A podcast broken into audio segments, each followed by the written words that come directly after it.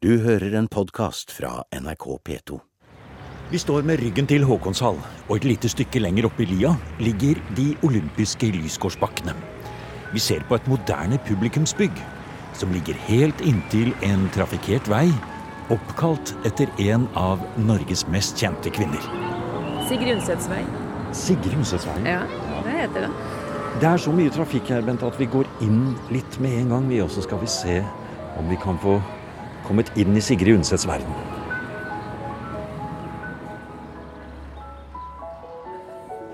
Det er museumskonsulent Bente Forberg som åpner dørene for oss til Bjerkebekk. Hit kom Sigrid Undset i 1919, og her hadde hun sitt hjem til hun døde i 1949, bare 67 år gammel. Riksantikvaren vedtok fredning i 1983, og Kulturdepartementet overtok som eier i 1998. Men det var ikke før i 2007 Bjerkebekk kunne åpne for fullt. Med det nye publikumsbygget og en profesjonell drift. Faktisk holdt Bjerkebekk på å bli svensk. For det var to svenske nieser av Sigurd Undsets svigerdatter som arvet Bjerkebekk. Og så kjøpte da staten osv. tilbake.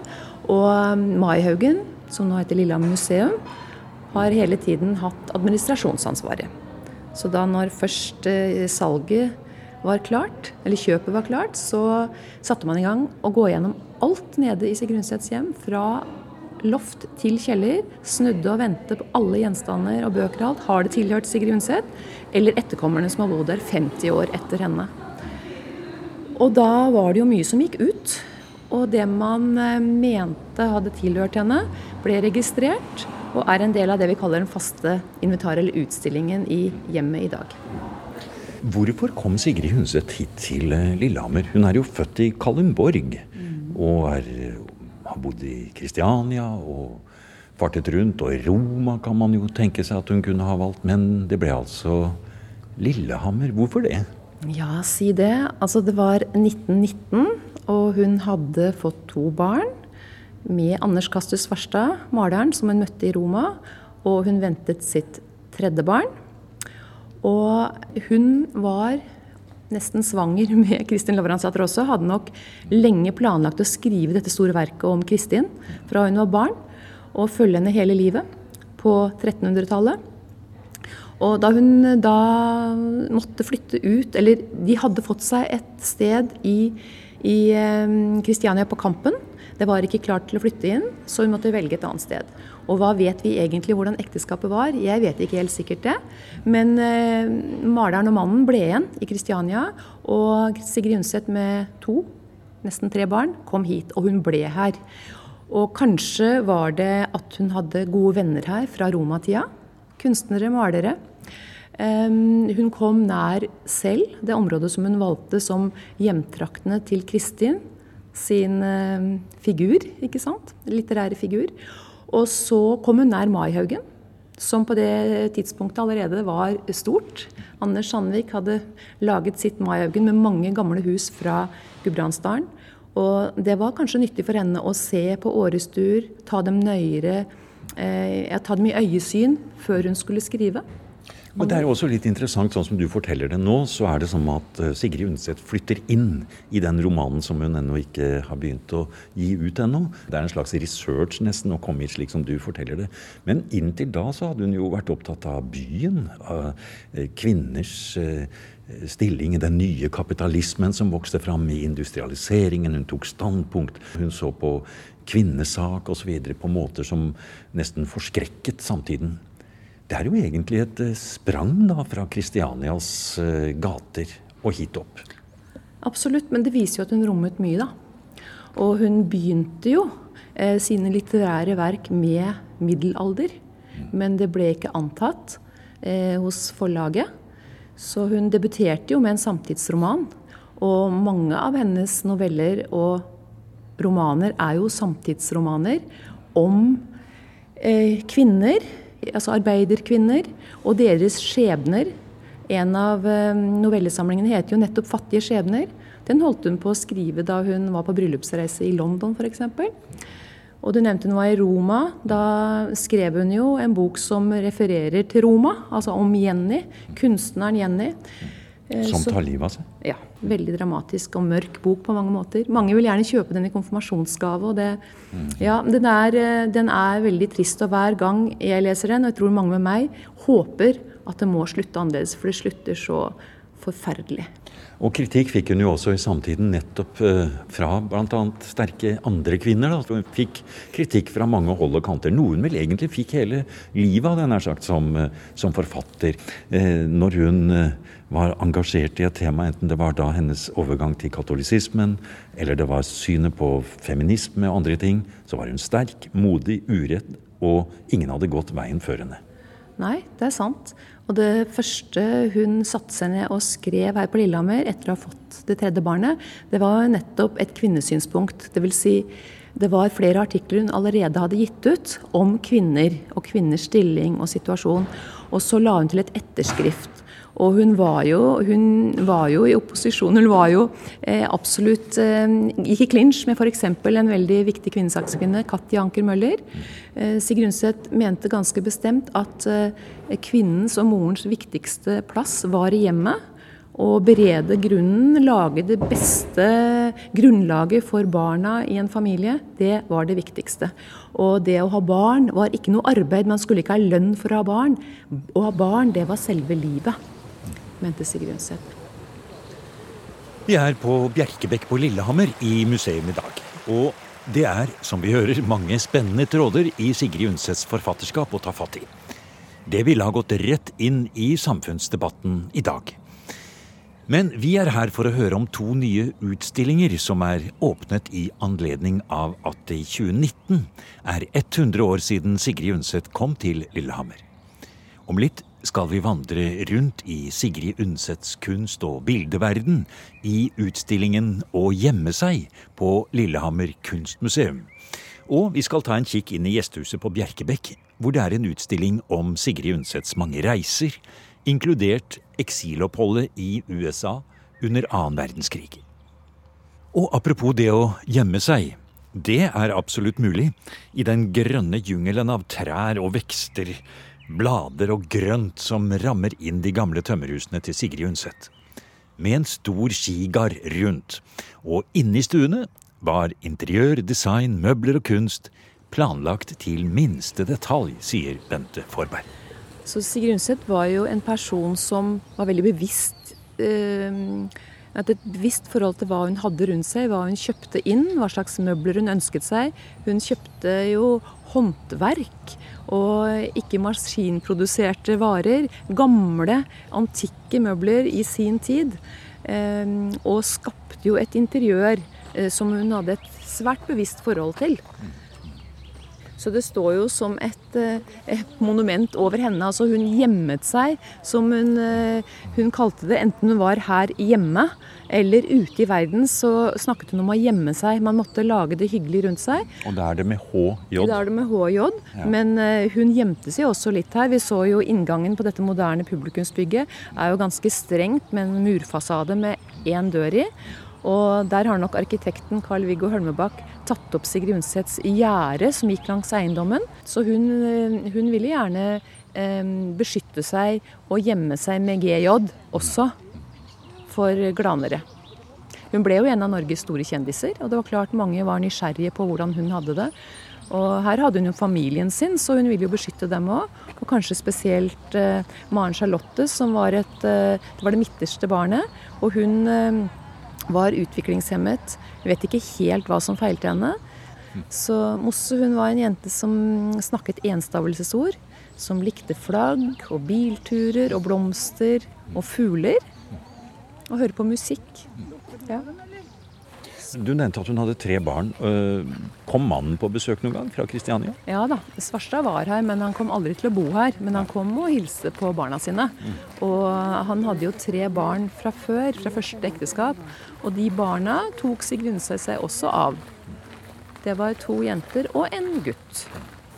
Hun trengte mange rom, rett og slett. Ja, og det var eh, ofte besøk, og særlig lange julehøytider med, med stor familiejul.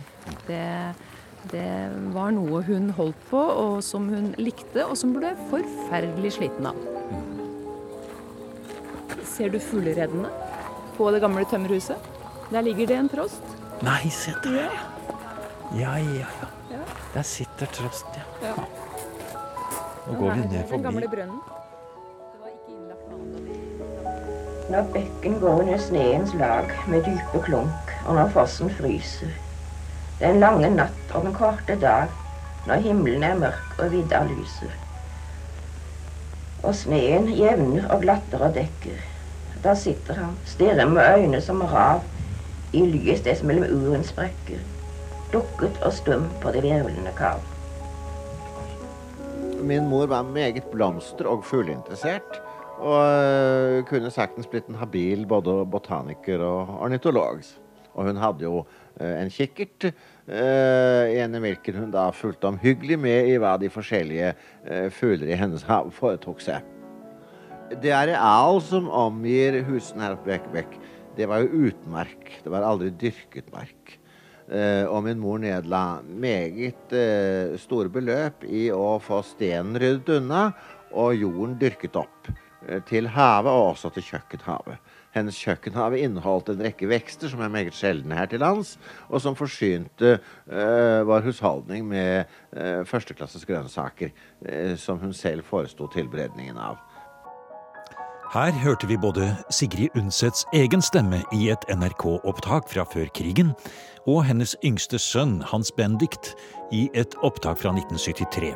Hans Undset Svarstad var den eneste av de tre barna som overlevde sin mor. Han bodde på Bjerkebekk til sin død i 1978. Se her, ja. Oi, det er såpass stort, ja. Hva er det det står her, Bente, som er slagordet deres? Det er fornyes man skal når man reiser. Man skal samle inn også, men mest av alt skal man fornyes. Og det er hentet fra Sigrid Undsets eget reisebrev, som hun skrev på den første store utenlandsreisa da hun fikk stipend i 1909. Vi på Kulturhistorisk avdeling på Lillehammer museum fikk i oppdrag å lage en ny fast biografisk utstilling om Sigrid Undset. Og som du vet, det var veldig mange forskjellige temaer vi kunne velge i. Eh, Men etter å ha tenkt oss om, så fant vi ut at jo, vi velger reiser. Og så tok vi det sitatet fra hennes eget reisebrev. Det er fornyes man skal. Sigrid Undsets reiser, det ble tittelen. Og så har vi jo holdt på med den arkeologiske utgravingen fra esken hennes da, og fant mange ting. Vi fant programmer, vi fant billetter, vi fant dagbøker osv. Og, så og så fant vi disse fantastiske postkortalbumene. Så dette rommet vi fikk til disposisjon i gjestehuset, som er det minste huset på Bjerkebekk, det har tre, fire dører, tre vinduer, en peis, galleri og skråtak. Enda rommet er ikke så stort. 20 kvadratmeter. Og så da har vi Høyt oppe på dette galleriet har vi valgt ut mange postkort fra hennes eh, album. Så det er en frise som går rundt tre sider, litt høyt oppe. Og mellom disse henger kloden, da, men med Nordpolen ned, som vi kan se hele hennes jordomreise. Fordi etter at eh, krigen var slutt i eh, 90 1945, så dro hun med båt hjem over Atlanterhavet. Og så helt hjem til Bjerkebekk. Og her ser vi det står kart over Brooklyn, hvor, de, hvor de jo bodde mange, mange tusen nordmenn den gangen. Eh, og det er bilde av Sigrid Undset her på en talestol eh, på vestkysten, ja, i Seattle, Los Angeles. Det er, dere har en god del Hun tok vare på mye, kanskje? Ja, men det som er morsomt her, syns jeg, er eh, I 98 så begynte man å rydde hus, som jeg fortalte, fra loft til kjeller. Um, men inntil nå så har det stått et stort rom på Maihaugen, altså Friluftsmuseet, som er en av delene våre, um, med esker etter Sigrid Undset, som man ikke har klart å gå gjennom. Og det har vi gjort nå. Nå er vi helt ferdige. Og der har vi funnet flere av de tingene vi viser fram her. F.eks. kartene da, fra Brooklyn og New York. Som vi har med en monter utslått, også med en knappenål akkurat der hun bodde. Ja, skal vi I se hvor hun bodde hen, ja. 97 Columbia Heights. Det var et um, Hotel Margaret. Det var et leilighetshotell. Så der bodde hun. Sikkert med fantastisk utsikt over til Manhattan og Skyline der. Ikke sant? Og her er det om um, Det er fra et brev, for øvrig, som hun skriver til søster Ragnhild, som bodde i Stockholm. om det hun likte veldig godt, det var å gå tur over Brooklyn Bridge. Ja, det gjorde hun vel, ja. Og det var sånn at det ristet, og det skjelver og det dirrer, skriver hun, og det durer i metallet. Men det er nokså praktfullt. Ja. For det gikk sporvogn under. Så du ser det siste hun skriver her. Det er, den er den eldste og den vakreste av de store broene her. Og det er en av mine yndlingsturer å gå over den. Det er ingen tvil om at et besøk i Sigrid Undsets verden må være en av de bedre reisetipsene denne sommeren for alle som er interessert i litteratur, kunst og samtidshistorie. For i tillegg til den helt spesielle og ekte stemningen inne i stuene på Bjerkebekk, kan man ta turen ned i sentrum og besøke de flotte utstillingene ved Lillehammer kunstmuseum. Det er slående hvor flott og tankevekkende den nye utstillingen til ære for Sigrid Undset har blitt. Konservator Cecilie Skeide inviterer inn i Sigrid Undsets fantasi- og forestillingsverden. Her må man se, som det heter, i et speil og i en gåte. Noe som starter med en gang i selve tittelen på utstillingen å gjemme seg. Jeg var så heldig å få hjelp av Sigrid Undset selv. For hun bruker jo dette uttrykket å gjemme seg flere steder. Både i brev og i romaner. Og slik jeg tolker det, er det slik at når hun gjemmer seg, så skaper hun et rede hvor hun kan føle seg hjemme, være trygg, og kunne gro og kunne være kreativ. Og det er så fascinerende, fordi det er ikke bare hjemme på Bjerkebekk hun gjemmer seg, det er jo også på hotellrom, i eksil i New York. Og da har vi sett fotografier, og da henter hun inn potteplanter og fotografier og små duppeditter og bøker som hun må ha rundt seg for å kunne gro eller for å kunne være kreativ. Mhm. Kanskje er det sånn at også hele Bjerkebekk eh, er en iscenesettelse av romanverdenen som hun skaper. Ja, spesielt storstuen, som hun da lager etter at hun skriver eller er midt i arbeidet med Kristin Lavransdatter. For det er jo som å komme inn i en middelalderstue. Som hun er da meget fornøyd med selv. Hun har jo skapt et hjem presis efter egen smak. Og det er denne smaken som er interessant å se på. Og rommene på Bjerkebekk er veldig ulike. Og det har vi prøvd å tematisere i denne utstillingen. At det er ikke bare ett rom i Sigrid Undsets liv, det er mange. Derfor har vi skapt en labyrint for å liksom nærme oss Sigrid Undset fra ulike sider og se på hennes iscenesettelse, hennes smak både hva gjelder kunst, interiør og andre objekter. Og nå kommer vi inn i utstillingen. Å, så flott den er! Det første vi ser her, det er jo Kittelsen. Har du sett? Det er jo så en nesten ikke kan snakke her når en ser på disse flotte bildene som henger her. Nei, altså det, er- tenk at det er papirarbeider fra 1903 som er bevart. Han er jo ingen maler.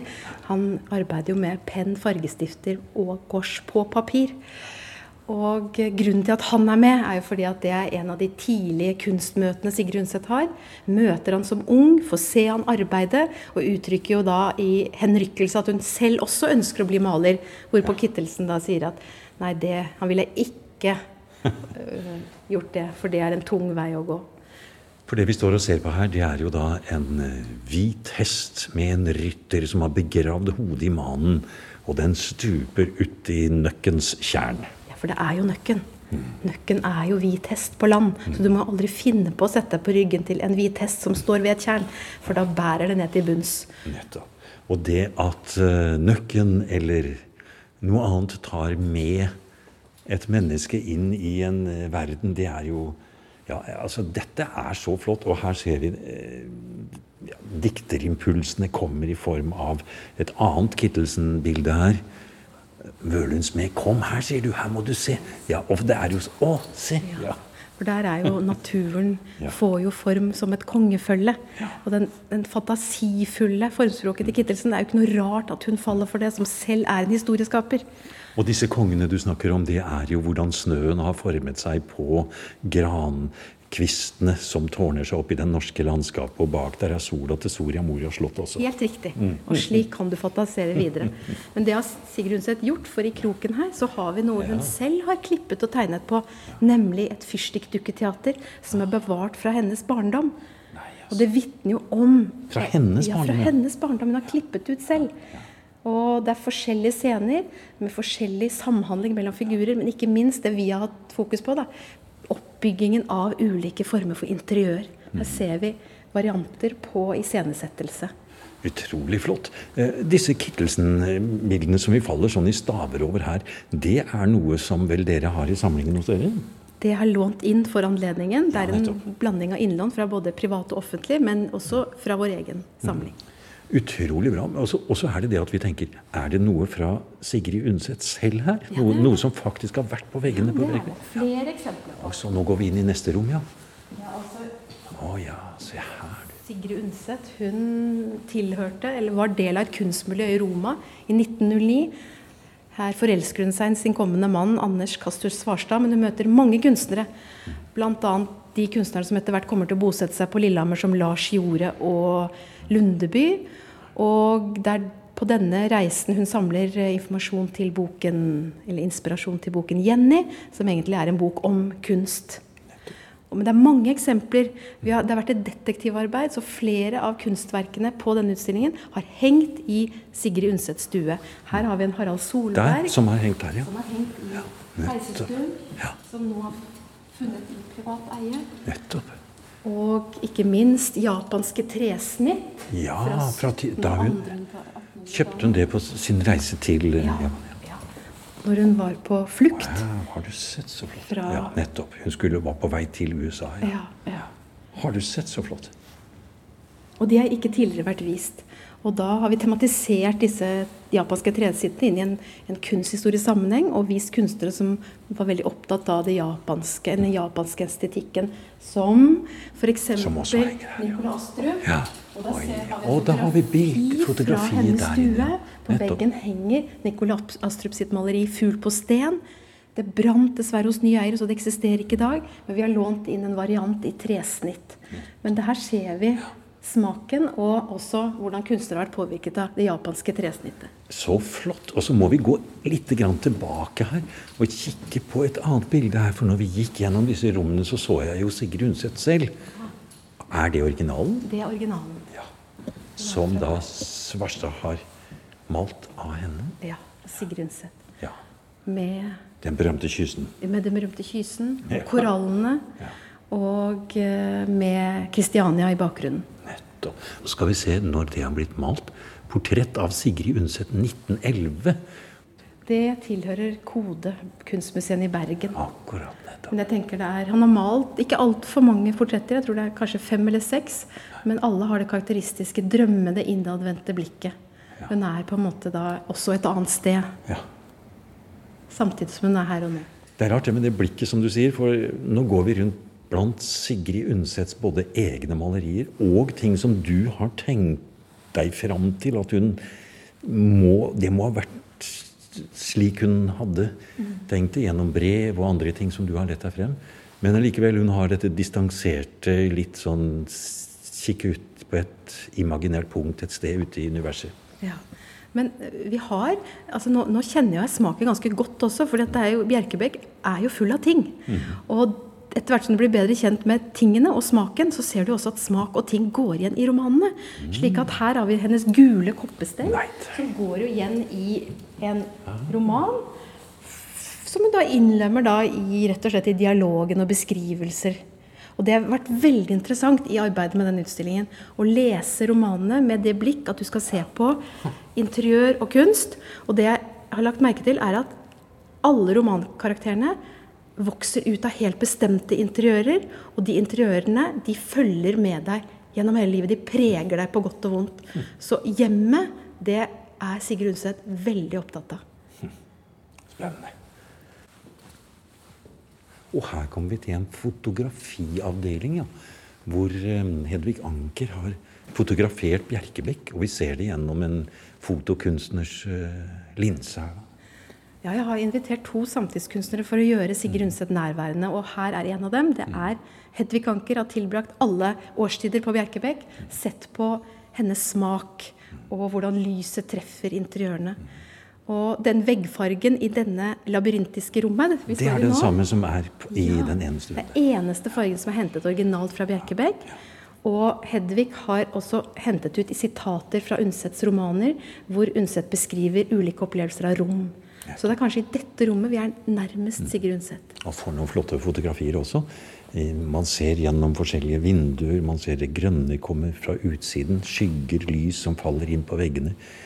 Og det viser hennes interesse for Gerhard Munthe. Her har vi en hel vegg med Gerhard Munthe-kunst. Og 1700-tallsmøbler. Kjøpt brukt. For i en 1700-tallsstol finnes det levd liv. Ah, det var ja. Altså, altså det, hun har jo så stor fantasi. Og det er liksom, jo eldre, jo bedre, som vi sa. Her er en, en løve, en akvamanile, vievann fra 1200-1300-1400-tallet igjen. Dette har hun kjøpt og eid. Altså, det er slike ting Oi, vil hennes rundt seg. Hun vil ha ting som er full av historie, og fra en tid hvor som hun da søker. Men det syns jeg er litt viktig. at Nå virker det veldig sånn romantisk og fantasifullt, og sånn, men Sigrid Undset hun er jo altså en vitenskapskvinne av rang. Så alt hun skriver, er jo, kan jo da tilbakeføres til botanisk korrekthet, til historisk korrekthet osv. Men i tillegg så har hun da den store den fantasirikdommen som gjør at hjertene banker på ny etter 500 år i, tilbake i tid. Du har hørt en podkast fra NRK P2.